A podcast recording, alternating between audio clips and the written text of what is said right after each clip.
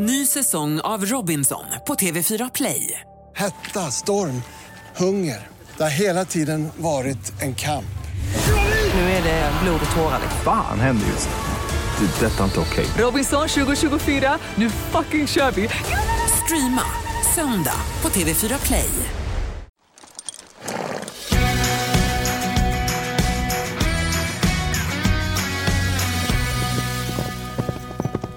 Ett nytt avsnitt av podden Ridklubben för dig som älskar hästar och ridning med Gry Forssell. Och Rebecca Lagin. Och idag ska du som lyssnar få höra hur det lät när vi fick träffa Gud inom ridning, som du brukar säga. Ja, det kommer ju från Haking, min tränare egentligen från början. Rolf-Göran Bengtsson, det riktiga Rolf-Göran. Ja, men alltså det är helt sjukt. Den livslevande Rolf-Göran Bengtsson fick vi sitta, sätta oss ner med och prata. Ja, tack vare eller på grund av att det är en pandemi så folk kan inte vara ute och resa på samma sätt, så är många hemma. Exakt. Så hade han träning i närheten av där vi var. Mm. Direkt tog vi med oss inspelningsutrustningen och for dit och norpade honom innan han åkte tillbaka till Tyskland. Ja. Det var så häftigt. Jätte och trevlig. Och, tusen, och att han står och håller lektioner där och tränar och tränar. och stått i timmar. Och Sen så kommer vi med tusen frågor om hästar. Han ja. svarar så tålmodigt. Verkligen. Han känns ju som att han är så otroligt kunnig. Mm -hmm. Och Många säger att han kan prata med hästar. Han kan ju hantera så många olika typer av hästar. Ja. Så jag är väldigt nyfiken på vad han själv har att säga om det. Ja, verkligen. Så det får ni höra alldeles strax. Vi har varit på eget ridläger, en liten dressyrkurs har vi varit på. Ja, vi har haft hästlov som vi nu för tiden kallar höstlovet, eller läslovet som det egentligen heter. Ja, det var Bratt som instiftade, myntade hästlovet, va? Ja, men exakt. Den Elmia Horse Show, mm. eller Jönköping Horse Show som heter nu, brukar ligga på höstlovet, eller hästlovet. Mm. Men nu har det tyvärr inställt eh, på grund av pandemin i år. Och Då tog vi hästar och pick och pack och åkte till Virsbo ridcenter. Det ligger utanför Västerås precis. Ja. Och så hade vi med oss några egna hästar och så fanns det hästar där. Så var vi ett litet glatt gäng som lagade mat och tränade för dressyrtränaren som vi, vi, har ute där vi har hästarna. Ja, men precis. Ninni. Det var skitmysigt. Jag hade kunnat vara kvar minst en eller två dagar till. Alltså, ja, men jag åh, vad det var härligt. Första dagarna, ungarna är ju lite liksom överilade. Allt är nytt och roligt och det är stort där och de sprang runt och höll på. Oliver han vaknade på natten där sista, natten sista dagen bara mamma, mitt ben har somnat. Det visade sig att han hade träningsvärk så han knappt kunde gå. vi hade med små barnen och de tjoade omkring och vi hade med Det var väldigt, väldigt, väldigt härligt. Alltså, man ah. underskattar ju hela ridlägerupplägget. Ja, verkligen. Man gör det för sällan när man är vuxen. Ja, Nicky var ju på ridläger i somras. Ehm och nu när de släppte platserna till lägret nu när de, de släppte dem nyss. Ja. I och med att nu med pandemin så ska inte folk åka utomlands och resa så mycket hemma. Så de platserna tog slut så fort. Mm. Vi hann norpa en precis. Det var så otroligt lyckat. Ja, men, Gud, men vi fick ligga på, hänga på låset verkligen. Ja, men jag förstår det. De... så jag har ju sån sjuk träningsverk efter jag har ridit i dressyrsadel här i tre dagar. Vi, hade ju, vi, vi hade ju våra kompisar på ER Saddlery. Ja. Ett, för dig som precis har upptäckt podden här nu, om du backar tillbaka några avsnitt så pratade om sadelutprovning med eh, er saddlery. Mm. Och då, vi köpte ju sadlar. Ja, vi också. köpte nya hoppsadlar. När kommer de? Men jag smsade faktiskt här för några dagar sedan. För nu har jag ridit dressyr, dressyrsadel, nu måste min hoppsadel komma. då sa de att eh, i november, och det är ju november nu. Jag har inte fått exakt datum, men de eh, kommer inom kort. De har i och för sig sagt november ända sedan vi köpte dem. Jag vet. det är inte det att de är sena, det är bara att man längtar efter ja, dem. Man längtar så mycket. Lyxigt. Du har aldrig köpt en ny sadel förut? Nej, det här är min Nej. första egna, helt sprillans nya fina hoppsadel. Gud, vad vi köper grejer. Jag har ju också köpt en hästbuss. Alltså också världens snyggaste hästbuss. Ja. Den har varit så fin, Gry, så att jag Visst är den fin? Ja, jag, den är så fin. Jag har aldrig ägt en egen. Vi hade aldrig, när jag var liten så hade vi inte äh, eget hästsläp heller. Utan man hyrde från OK eller lånade från kompisar eller så. Som jag vi... lite på ridskolan här för mig alltid hade släp som man kunde hyra. Ja, nej, inte våran. Nej. Vi hyrde från macken och mammas Saab drog på de där eh, hästsläpen. Och det gick jättebra det också. Men nu helt plötsligt så fick jag liksom... Fan får i mig. Så tänkte jag, men jag köper, nu köper jag en buss. Ja. Bär, eller får vi sälja den om jag inte har råd att kvar den. Då. Det var så härligt att köpa en häst. Jag äger en buss. Jag åker med den ibland till stallet. Ja, det förstår jag. Det hade jag också gjort. Jag bara kör med den lite. Ja. Och de är helt nya. Ja. Jag hade, nu efter dressyrkursen, så spolade jag ur hela min buss och torkade ur liksom i förarhytten. Nu är den som ny igen. Det är så härligt. Gud, jag tittade in i din buss och den såg så ny ut så kände jag så oj, oj, oj, nu måste jag göra en liten... Nu har jag som sagt köpt den här hästbussen och den var ju helt ny när jag fick den så den var ju så himla fin. Och så det enda som är så tråkigt med den nu är att den ska bli skitig. Ja. Så häromdagen så skulle jag åka hem från stallet och så var Bosse, min hund, var tvungen att åka med in i bussen. Och jag gillade inte det. Jag ville inte ha honom inne i hytten och hålla på och håra och göra tassavtryck och sånt där. Nej. Han är ju en liten hund, Jo. men, men jag ville inte ha honom i, i, där inne. Nej. Det kändes inget bra. Fick han åka med Harmonia där bak? Nej, nej Harmonia var inte med i bussen så det var bara jag och Bosse. Man, han, han låg fint Ja. där. Apropå Bosse, jag tänkte Högs är ju med och sponsrar den här podden. Ja. Tack snälla Högs. Jag var inne precis på hemsidan nu för nu kommer ju vintern. Och Bosse han är inte så frusen av sig. Men jag var lite inne på att jag skulle köpa ett litet täcke kanske till honom. Ja. För det som är så kul med Högs, de är specialiserade, det är ju mest hästgrejer där förstås, men Ja. de har också bra hundsektion. Verkligen. Bosse älskar att gå på Högs. Han går ju raka vägen till smågodishyllan. Ja, Det finns ju små ben som ligger framme och små godisar som man kan Ja. hålla alltid där och nosa. Men det finns leksaker och det finns, du vet att det finns back on track-tecken till hundar? Nej, Jo, är det sant? jättegulligt. Det finns jättefina och också reflextecken. Jag är ju helt inne på det här med reflexer. Man vill ha reflexer hela tiden på hästarna.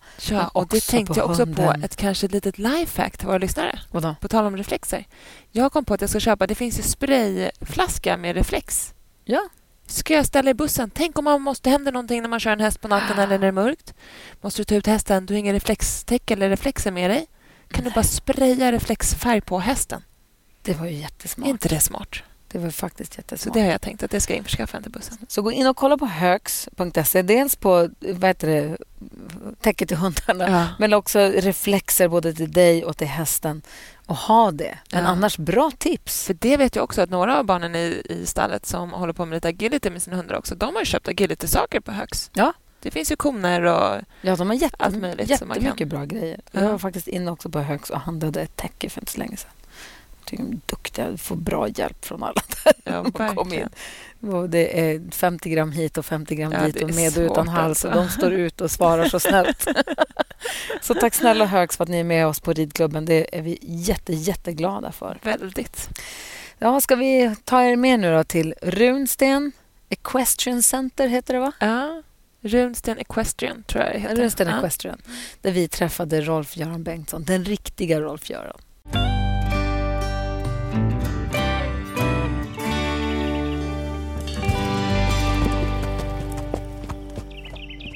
Då har vi hamnat på Runsten med Rolf-Göran Bengtsson. Hej! Hej. Hur är läget? Tack, det är ganska bra. Bra. Kul att vara här. Det är jätteroligt att du är här. Vad har du gjort för någonting? Ja, men vi har hållit en träning här nu över helgen, lördagen och söndagen. Fem grupper. Eh, I alla olika nivåer med yngre hästar, lite ungdomar och eh, även hästar och ekipage som hade gått lite större klasser. Så det har varit lite av, utav varje och en lång dag men har varit bra. Vad får, vad, vi pratade, satt och pratade på läktaren om drivkraft. Eh, vad, vad får du ut av att träna, alltså de här som är lite grönare, både hästar och ryttare? Du som har ridit så otroligt mycket och är b- bäst. Nej, men jag, ty- jag tycker det är kul att, att, att träna folk så man ser man kan med ganska små tips eh, försöka hjälpa dem att få själva rundan att fungera lite bättre eller att få ryttaren själv att liksom lära sin häst hur, hur ska det gå till och, och försöka hjälpa sin häst med ganska små hjälpmedel. Det är inte så att jag försöker hitta på något nytt här när jag hjälper dem att träna utan de tipsen de får med sig här, de ska de kunna ta med sig hem och, och försöka förädla dem lite grann och, och göra sig själv bättre tillsammans med hästen. Och jag tycker inte minst, jag var här för i somras och det är ju en del ekipage som kom, kommit igen. Och jag har dock sett en del skillnad på hur vi, vad vi tjatade på den gången. Och det behövde jag inte mer än nämna idag så var de grejerna, de var liksom redan komna långt på plats. Och, och ekipaget så tyckte jag såg bättre ut. Så de gör som du säger. Det tycker jag. De har gjort sin hemläxa och så kanske de skärper till sig extra när jag kommer tillbaka och checkar upp. Det är som när du red för Malin och du var så himla... Rebecka var och tränade för Malin Boyard var så himla nervös för att få träna för sin idol som Mm. mm. följt så länge. Ju. Mm. Som man har vuxit man- upp med när man var liten. Då tänkte man sig, tänk om jag ens får träffa henne någon Mm. gång i livet. Och Då ska man få gå dit och rida. Och då kunna rida och bete sig och ta in information samtidigt. Det är ju inte helt lätt. Nej, märker du på dina elever om de blir stela eller nervösa? Det är klart att givetvis deras, deras förhoppning och, deras mål är att de ska göra så lite fel som möjligt. Och risken är att när man försöker tänka så att jag får inte göra fel så blir det lätt fel. Uh, och det är spänningen som gör det att man uh, kommer i fel spår lite grann och kommer för nära hindret ett par gånger och så kör det ihop sig lite grann. Men att man då pustar ut och försöker slappna av och så är man sig själv ungefär så går det bäst. Vilket språk tänker du på? På skånska menar jag.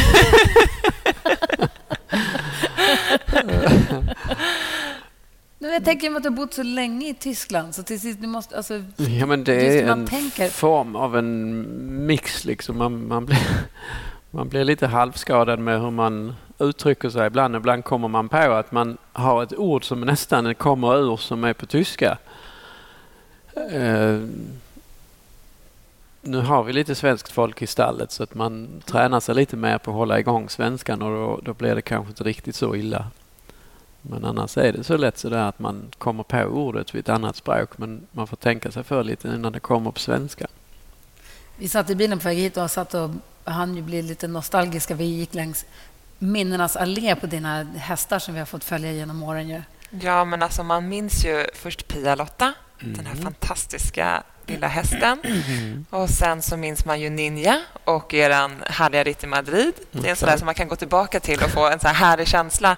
Om man, om man, för ibland så behöver man kanske inför en tävling titta på en runda mm. för att få lite pepp. Ja. Och Då brukar jag titta på Ninja och Madrid. Den tycker jag är väldigt härlig. Och så, så minns man ju McKinley och Casard framförallt. Ja. Det är många hästar ja, som har passerat, tycker varit, du? Det har varit många bra hästar under, under karriären. Så. De är kanske de som har varit de eh, mest eh, framgångsrika på det viset. Ja, de har gjort de stora grejerna. Och sen har det varit många som har varit kanske minst lika bra som de som vi inte riktigt minns så mycket, som har varit en kortare tid eller inte riktigt eh, blivit skadade under tiden och inte kunnat göra sin karriär till ända. Vilken du? tänker du på då? Ja, som Crunch till exempel här var sista. Clarimo var ju en lite annorlunda häst men han var liksom på gång att vara färdig och, och kunna gå de större klasserna och så, ja, så blev han skadad eller en förslitningsskada helt enkelt som gjorde att han kunde inte fortsätta. Vad var det du skulle säga? Tycker du att det fortfarande är lika kul att prata om Pia-Lotta och Ninja och de här eller känner du lite så här det är förut? Nej, det, det, nej, men det är det inte. Det, visst är det förut. Det är, det är ju många år sedan. Men det är som du säger också, man, man blir lika glad när man ser de där gamla videorna fortfarande. Hur man ser saker och ting, hur det har ändrat sig lite grann. Men man minns också hur kul det var när de gick, gick fint va? och man hade, kunde rida med i de allra största klasserna och, och Ninja som var en sån mästerskapshäst som, som kanske inte vann de flesta klasserna men han var liksom totalt konstant i de stora mästerskapen. Många säger ju att du kan prata med hästar. och det känns ju om man tittar på dina hästar som du har ridit så ser du det är ston och det är vallacker och det är hingstar och det är mm. stora och det är små. Och det känns som att det är en bland... Det är inte så att du vill ha just en typ av häst utan att du faktiskt kan rida alla hästar. Visst är det så att man kanske vill ha en typ av häst som passar en allra, allra bäst, som man gillar mest. Va?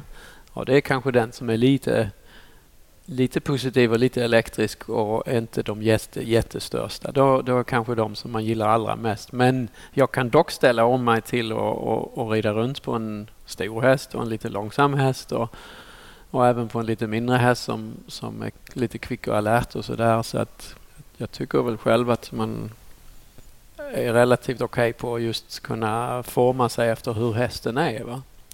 Och det tror jag är rätt så viktigt att man försöker låta hästen vara sin häst och inte ändra på allting för det inte passar inte alla hästar att ändra att sig för mycket. Att inte forma hästen efter ryttaren utan lite mötas här på halva Precis, vägen. Precis, man har sin idé, man har sin lilla plan om hur det, ska, hur det ska vara och hur man vill att det ska se ut.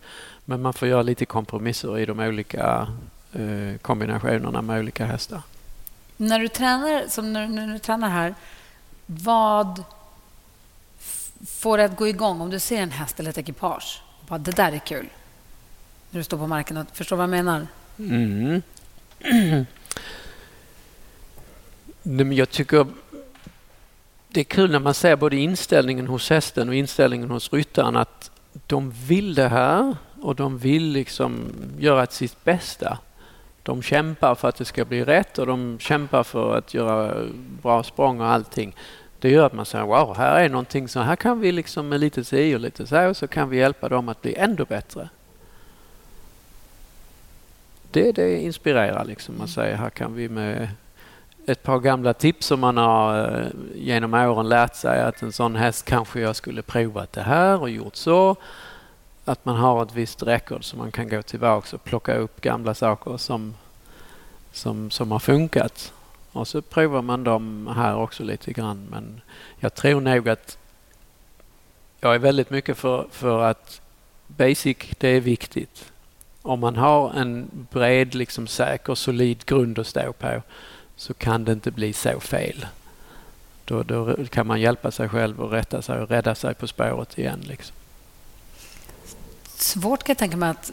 Eller, att det kan vara lätt hänt att man tänker att om man måste backa tillbaka, om det är så att, det, att man hamnar snett, att man måste backa tillbaka, att det känns som ett misslyckande. Fast det är det ju inte. Det är väl en del av utvecklingen. Det är bara att man måste ta de där ibland backa tillbaka-stunderna. Jo, alltså, givetvis. Alla gör vi fel. Va? vi, vi tar ett felbeslut in emellan. Det, det, det är bara så, det gör vi. Va? Om det är i vårt jobb eller det är i, i vårt hobby när vi rider eller vad som helst. Och så får man ju fundera liksom, mm -hmm, det slutade på detta sättet. Det var kanske inte riktigt rätt och nästa gång jag kommer och står inför samma beslutsfattande där så kanske jag säger det där har jag provat, jag provar så här istället och så kanske man löser det bättre. Och så är det mycket med, med häst och, och, och ridningen med. Jag tog fram telefonen för att jag skulle fråga. Såg du det här klippet som SVT Hästar la upp häromdagen? Som var ett fint klipp. Kolla på det bara. Det här är Rolf-Göran Bengtsson, 21 år gammal bara och en av svensk ridsports framtidsmän sägs det allmänt. Han rider hästen Bonaparte. Bonaparte är egentligen en avelshingst. Ägnar sig alltså åt avel för det mesta. Oh, men, vilka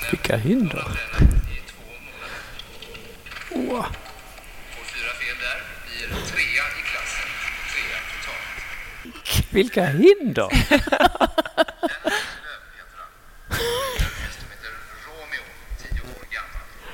Men man, man ser ändå hur, hur annorlunda man... Eh, alltså man red mycket mer med kroppen. Och, ja, vad tänker du när du ser klippet? Det är tur att det har hänt lite grann under alla dessa år. Det är ju tusen miljoner bommar i varje hinder till att börja med. Och gigantiska ja. häckar. Och det skulle ja. kunna vara en inomhus där, jag, där jag landar på bakbommen, där är jag ju liksom en och en halv meter för långt ifrån. Va? Mm. Men det var kanske också för man hade... Den hästen var inte så helt lätt att rida på heller. Det var den inte. Det var en del som hade provat den innan mig. Uh, och just den här säkerheten att, att pricka rätt distans, den, den hade man inte själv heller. Va? Nej. Utan ibland så blir det för stort och ibland så blir det lite för nära och det är klart, då kostar det en bom. Det där med att komma för stort eller för nära, det har jag alltid... Nu har jag inte hoppat på jättelänge, men det var alltid min, min mardröm. För man vill komma, kommer man precis rätt, då är det lugnt. Då är det lugnt, ja. jag, jag tror vi pratade om det när vi sågs på Gustavsberg. Alltså, hur, hur ska man göra för att komma rätt på hindren? Det verkar Ja, hur ska man göra? Om man kommer alltid lite, antingen lite stort eller lite för trångt. Alltså har man, har man en grej som man alltid gör, att man alltid kommer för långt ifrån. Då kan man ju tvinga sig själv att öva just det där att man du lägger kanske en bom på marken innan och ser till att jag är på plats när det passar längre fram sen.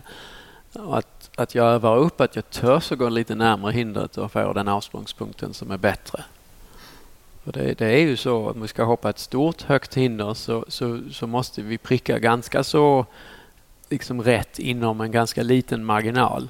Om vi ska hoppa ett lite lägre hinder så, så stiger den där felprocenten på, på avsprångspunkten, den, den är inte så himla viktig då för att hästen har så mycket kapacitet så den klarar det i vilket fall.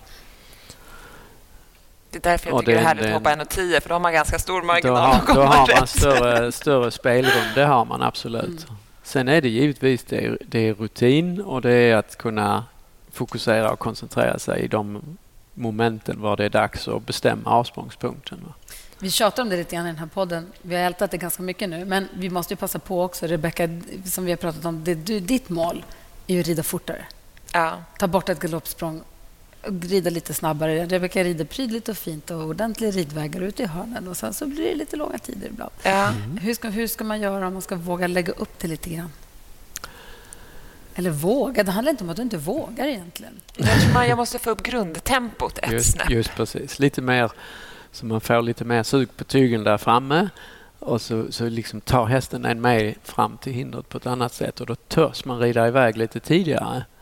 Om, Hur? Om, ja, men då, då, då tar hästen liksom lite Ja, Ska vi säga inte-? Hur får man, hur Ja, får men du får lägga så? upp den energin lite i, i, eh, i kurvan innan. Liksom samla den här spänningen och spänna fjädern lite grann så att du har någonting som, mm, som tar dig fram till hindret sen. Så det är lite teknik just i, i svängarna och få, få satt igång motorn lite mer. Hitta klicket. No. Mm. Det är det. Det är det. nu har jag i alla fall hela vintern på mig att öva på det där klicket. Måste hitta klicket. Jag är ju, har blivit ponnymamma. Faktiskt idag på dagen, ett år sedan, som vi fick vår ponny. Vi har en C-ponny som min dotter rider på. Mhm. Eh, Och det är ju jätteroligt att och få liksom följa hennes utveckling på nära håll. Att Hon är 11 så är utvecklingskurvan ju så brant också. Det händer ju så mycket om man bara tittar några år tillbaka. Men du har ju också din mamma på läktaren. Ja, just det. Jag har varit trogen supporter i många, många år. Ja.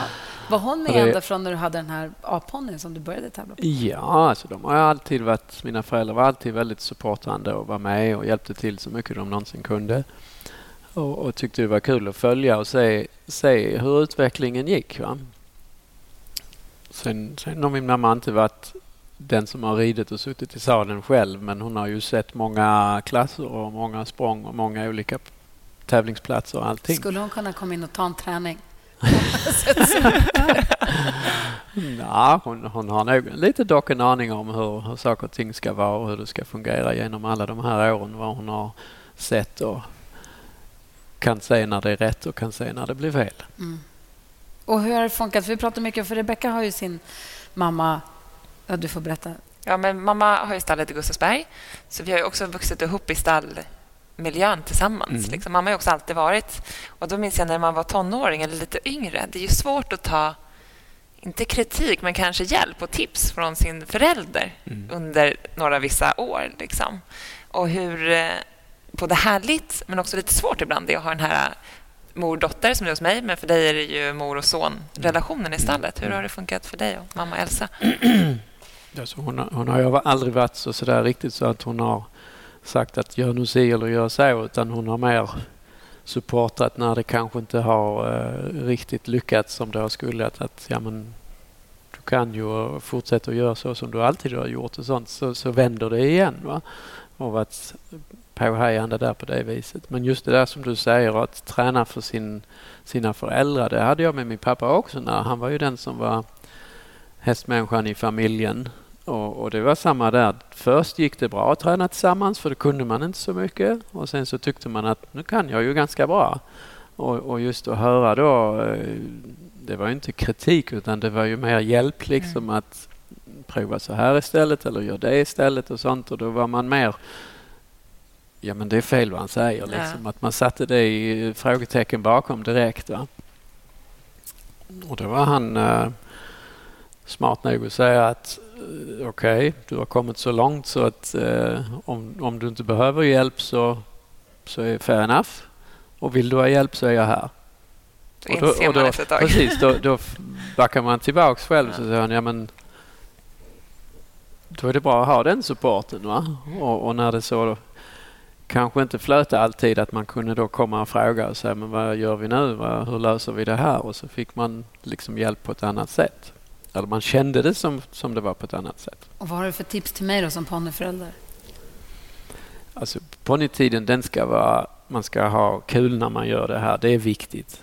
Och att man som förälder tror jag man ska ha givetvis vissa krav och vissa linjer i det hela så att det inte blir High Chaparral av det helt vilt.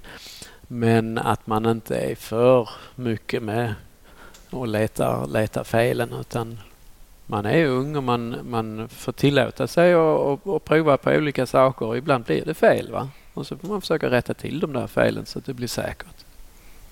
tror vi gör så. Jag tror det. Jag hoppas det. jag hoppas verkligen det. Men det tror jag Det är att väldigt gör. roligt. Ja, det, ni verkar väldigt kul i stallet Det- tillsammans. Vi är stallet jämt. Ja. Så det är kul. Det är väldigt härligt. Men nu som den här helgen har varit här och tränat, jag tänker för alla våra lyssnare.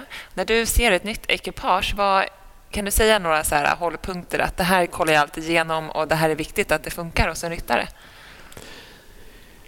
Ja, men jag går, eh, ska vi säga, rätt så djupt ner i, eh, i botten och tittar, tittar lite efter. Liksom, är tyglarna lagom långa? Är skänken på plats? Eh, överlivet lite upprätt? Alltså jag försöker rätta de, de allra grövsta grejerna så att positionen hos ryttaren stämmer samman med hästen. Och, och den, den första bilden lite grann eh, försöker jag checka av rätt så tidigt och rätta, rätta de bitarna. Och sen så får de jobba in i, i lektionen lite grann och sen kan man säga andra tips lite senare. Um, mer som tekniska tips. Men de första tipsen det är de här helt grundläggande basic-tingen som, som hjälper ekipaget själv. Kan, man se, kan du se trender hos ryttare? Att nu plötsligt, nu har det blivit trendigt, nu ska alla göra på ett visst sätt. Det kan ha att göra med att har, man har någon, alla får en förebild samtidigt och så ska man ta efter den med någonting. Förstår vad lite är, efter? det är visst så. Nu är jag inte den som håller jätte, jättemycket träningar så utan jag kommer ju bara någon gång ibland eftersom Mm. jag inte har så jättemycket tid plus att jag inte bor i Sverige. Eh, men givetvis, eh, man, man ser trender i inte minst bett.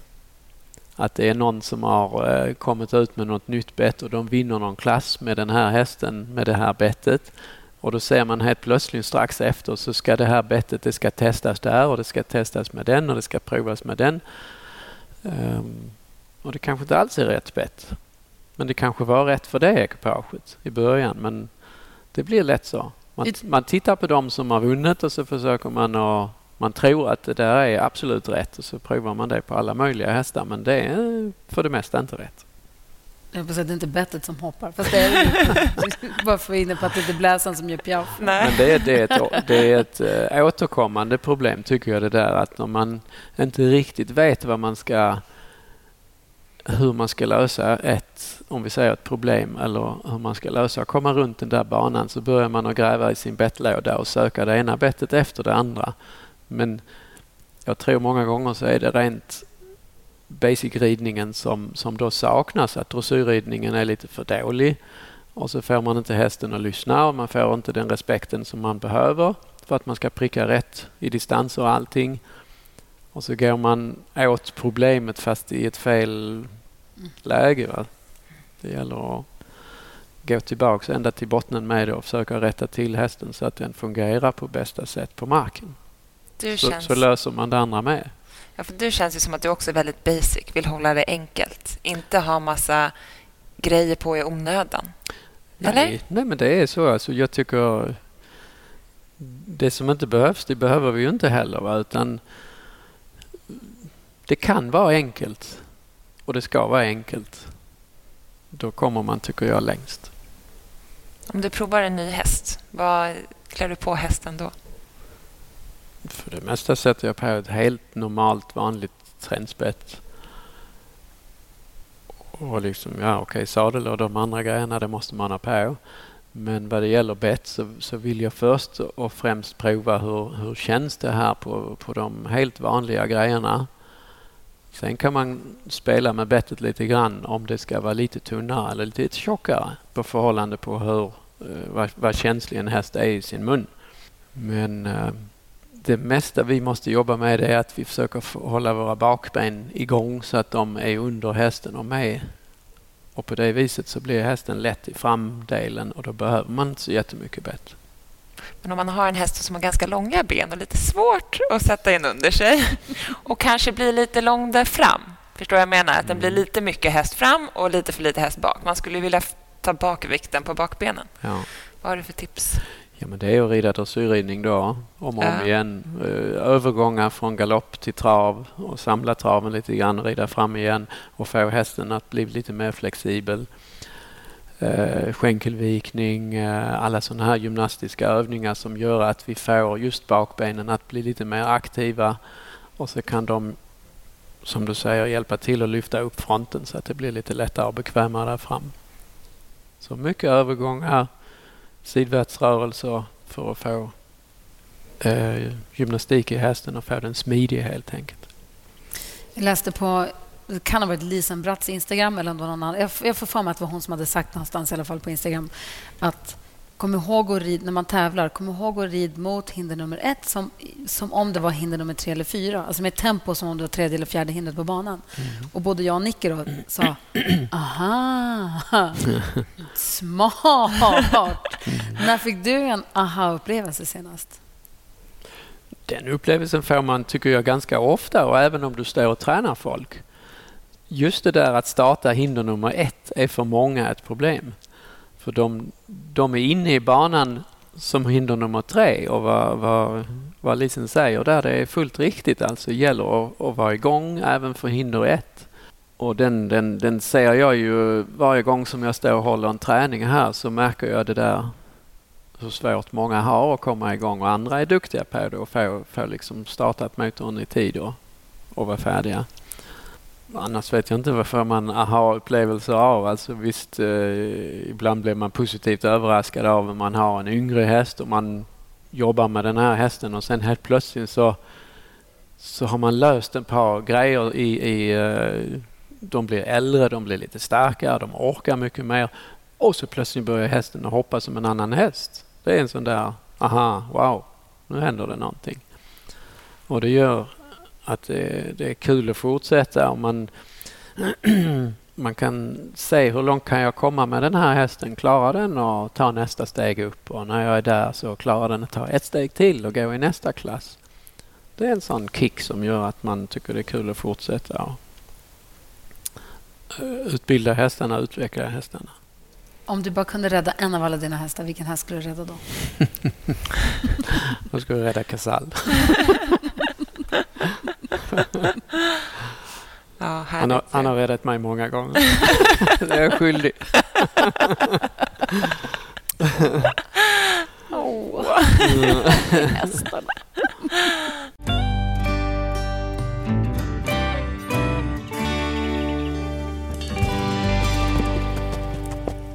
När du tävlar och rider mot ettan, vad tänker du då?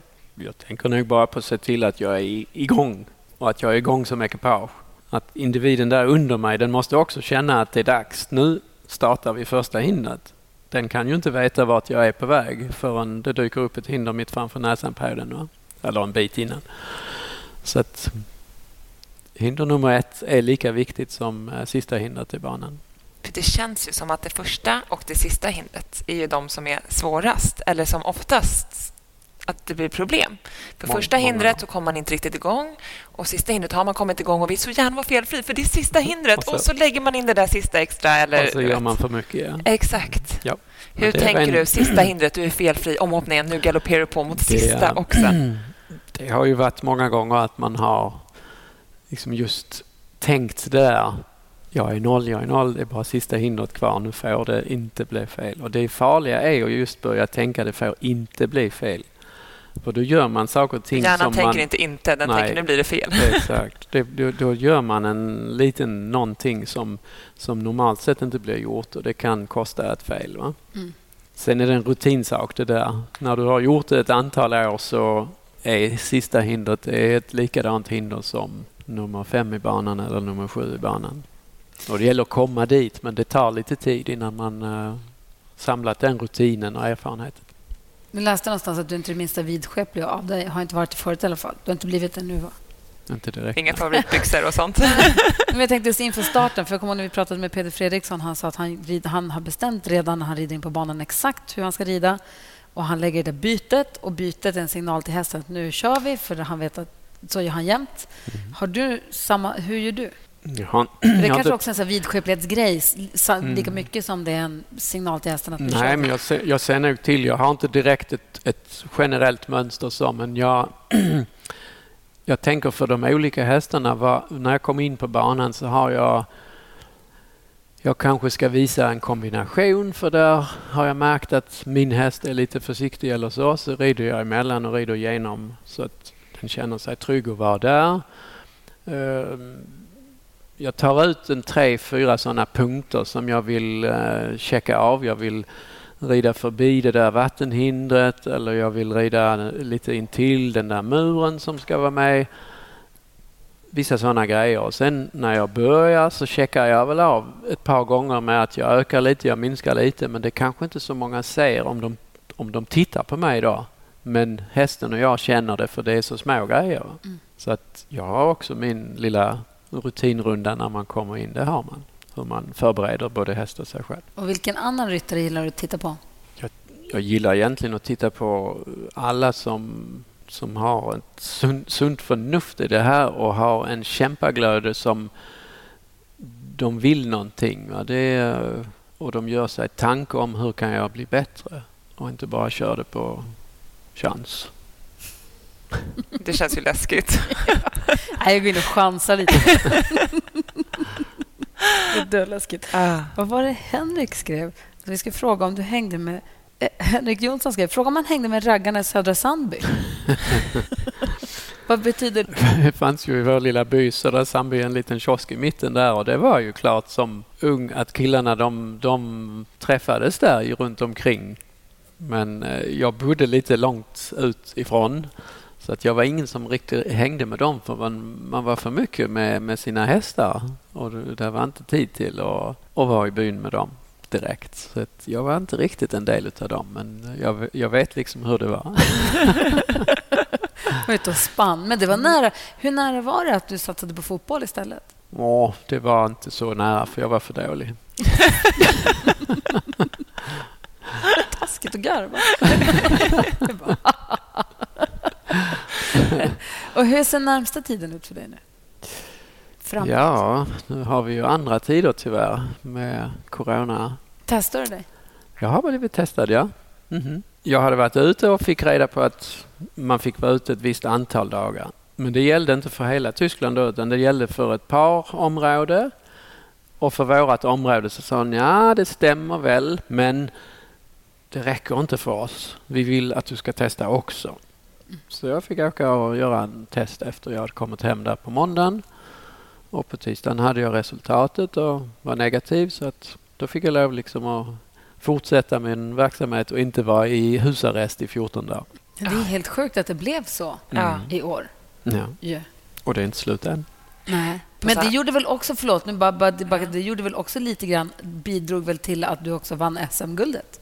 Ja. För annars hade du inte varit hemma och ridit Nej, det, det, är möjligt. Så då, grattis till det förresten. tack, tack. Fast svenska mästaren, det tänkte jag inte ens på. Ja. Det var kul det var, tycker jag. Mm. Det var roligt. Hur kändes det?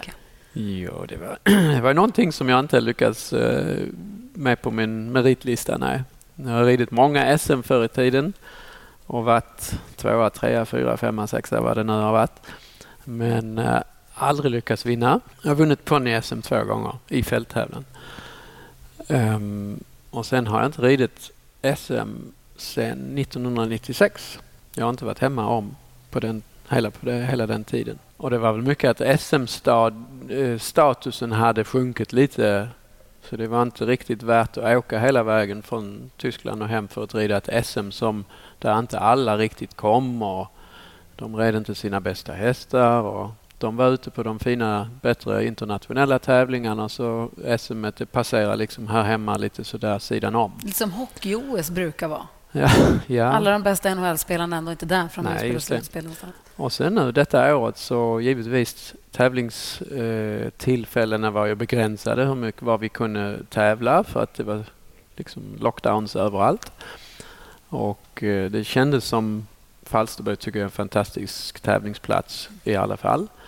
Och, och, det är södra Sverige var jag kommer ifrån så att det var lite kul att komma hem. Och eh, man visste också att det fanns inte så många tävlingsmöjligheter på en hög nivå ute internationellt så att allra flesta svenskarna var ju där och, och, även med sina bättre hästar. Så det var lite kul. Och så egentligen ingen publik. Ni måste ha haft sån Nej, jäkla det... lekstuga där. Det, det, var, det var nackdelen lite grann. Alltså, annars är det ju... Ja fantastiskt att rida Göteborg eller rida Falsterbo när det är en sån publik som det är där. Och sen, nu var det helt öde, liksom, var tomt. Kände De spelade lite applåder när man hade kommit i mål. På, på. Men kände, kunde ni känna att vi satt och tittade? Även om vi inte var där? Nej. Ja, man, man, jo, man hoppas ju på det. Ja, det gjorde vi. Att folk följer det på, på nätet eller på tvn så gott det går. För engagemanget finns ju där ändå. Du skulle Ja, det säga något jag annat. verkligen. Jag tror att jag tappade tråden. Förlåt. Nej, det gör ingenting. Det var någonting om tävlandet Det framåt var och corona. säkert ingenting viktigt. Det var där vi började. Eh, jo, jag tänker, bor du på gården med dina hästar? Eller bor du i ett hus utanför? Eh, nej, jag bor ska vi säga, på gården. Det är 400-500 meter ifrån stallet Ja. men det är ändå på vårt eh, område. Eller vårt, Men så blir det husarrest, då får du ändå gå och ta hand om dina hästar. Jag vet faktiskt inte. Nej, för jag läste någonstans förut att det var så här i Spanien att då var det kanske speciellt om man är inackorderad eller inte bor, bor på Mm. gården med sina hästar, att då fick man inte ens åka dit, utan då var det stallägaren som var tvungen att Precis. ta hand om. Och, och, och, och så var det ju i Italien där i början med. Det vet jag. Hästägare som hade hästarna inställda. De fick inte åka och titta på sin egen häst nej. under den tiden som det var riktigt eh, strängt. Ja, det måste ju vara så jobbigt liksom, när man har så Mm. mycket hästar och man satsar mot stora tävlingar och mästerskap och så bara, nu får inte jag träffa min Kom- häst och man vet ju inte hur länge. Alltså, Nej, det kan ju det. vara två veckor eller sex Mm. månader. Man vet ju liksom inte. Nej, vi får hoppas att det här corona ger med sig snart. Ja. Och med det då, hur ser närmsta tiden ut? Du? Ja, men vi... ehm, nu har jag ju ingen häst som direkt går i de allra, allra, allra största tävlingarna eh, än så länge. De är på väg upp. Och jag, så jag, jag rider mycket nu tvåstjärnig, trestjärnig nivå och försöker bygga upp ett gäng igen. Och de tävlingarna, det är, de är ganska aktiva inom tvåstjärniga, trestjärniga tävlingar. Det finns en del utbud på dem. Och vi åker så ofta vi kan och det är eh, möjligt. liksom. Eh, om det nu är Holland, det är Belgien och det är Tyskland. Det är där vi rör oss mest. Va? Men eh, just nu har vi ju ett, en svår tid i Holland. Vad skulle varit nästa vecka skulle varit i Holland men de har en tillfällig lockdown just nu och den tävlingen är inställd, eller de båda de tävlingarna. Men i Belgien kör de på. Jag skulle på en tysk tävling här nu om en tre veckor någonting. Och där hade de fått eh, instruktioner om att det f- eh, fick inte lov att vara mer än 200 pass i en mässhall. Och det går ju liksom inte. Där är ju ett par hundra antal ryttare plus eh, var och en, en hästskötare så är man redan långt, långt över den här gränsen. Så de var tvungna att stryka hela alltet. Är Så att vi får, vi får, liksom, vi får försöka f- ja, följa vad som finns. Mm. Hur tränar du hästarna då?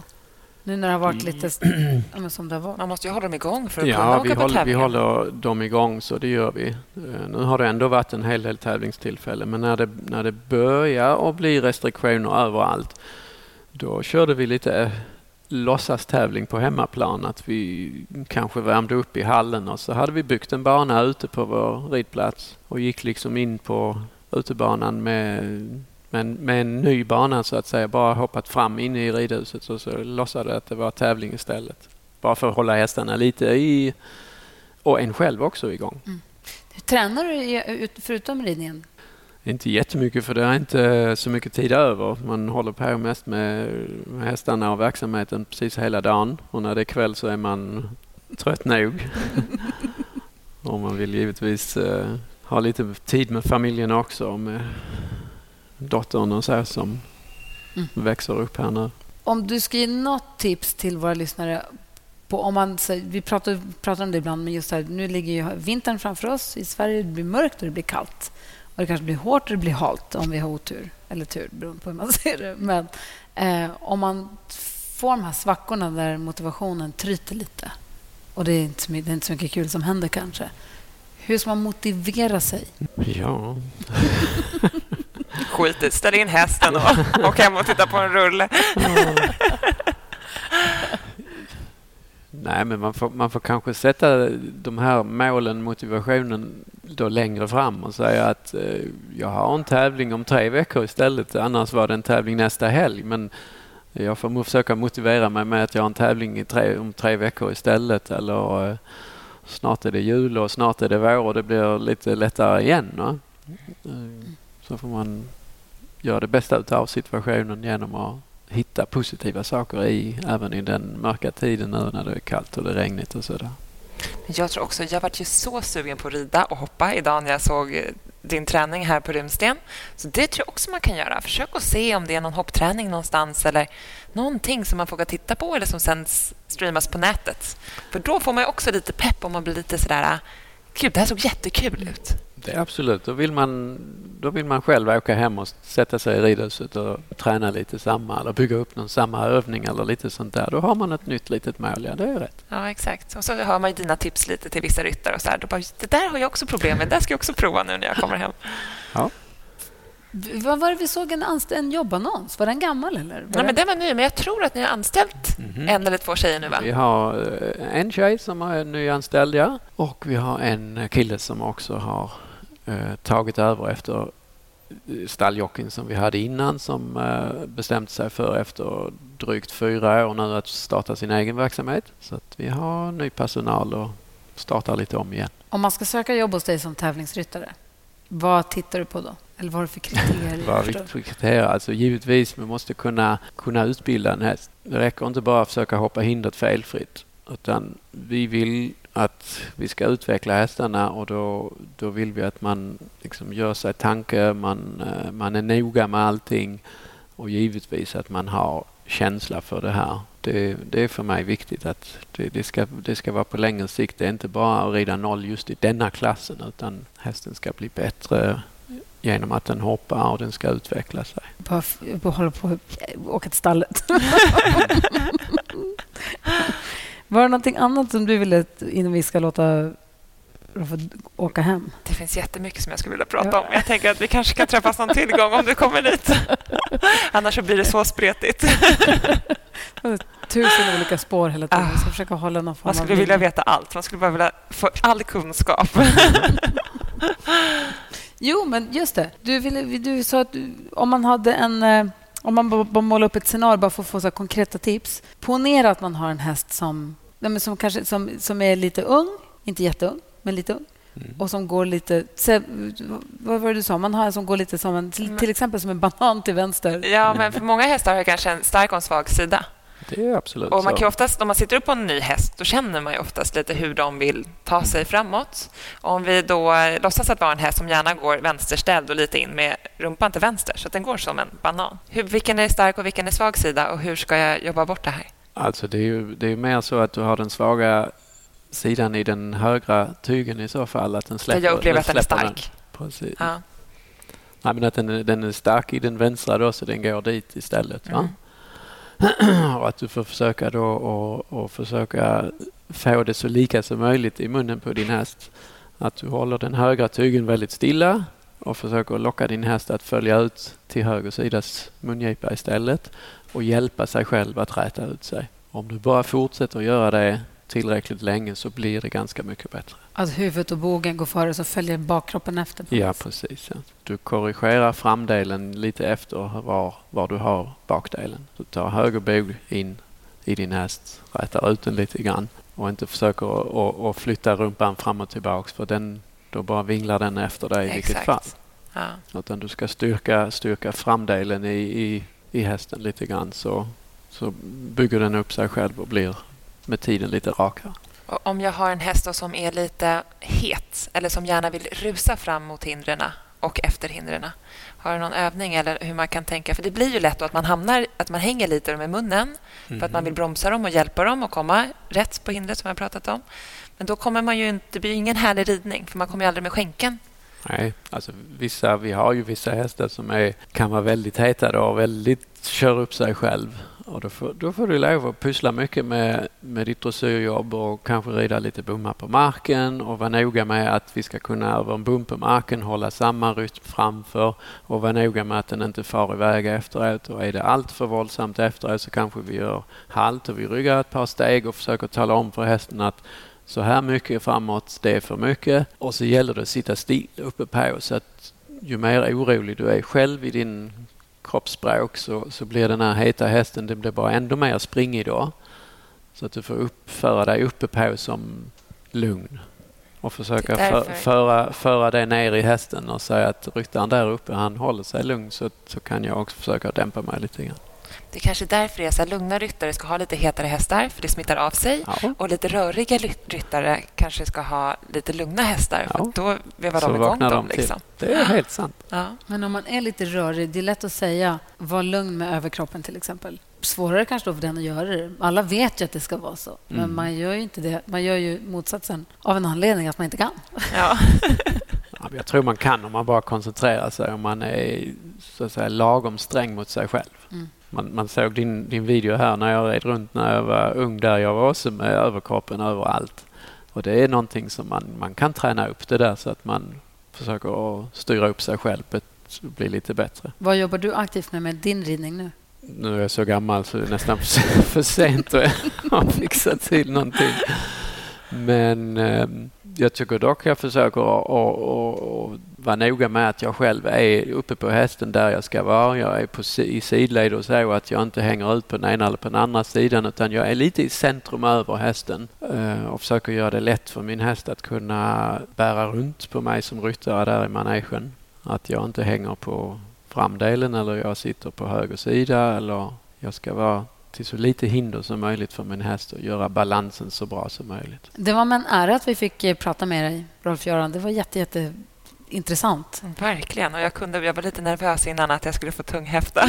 Det gick bra. Du klarade det. Jag klarade mig. Nu kan jag andas. Vi får se om vi kanske får... Nu, om du kommer tillbaka i december och sa någonting om, då kanske vi kommer med allt vi glömde säga. Ja, okej. Exakt. Om vi får. Det får ni gärna göra. Du, ha en trevlig resa här. Tusen tack. Vad säger man på tyska? Man säger inte bon voyage. Man säger, vad säger man? Auf Wiedersehen. Auf Wiedersehen. Auf God, Wiedersehen. gute Reise. Gute Reise. Reise. Ny säsong av Robinson på TV4 Play. Hetta, storm, hunger. Det har hela tiden varit en kamp. Nu är det blod och tårar. liksom. Fan händer just nu. Det. är Detta är inte okej. Robinson 2024, nu fucking kör vi! Streama söndag på TV4 Play.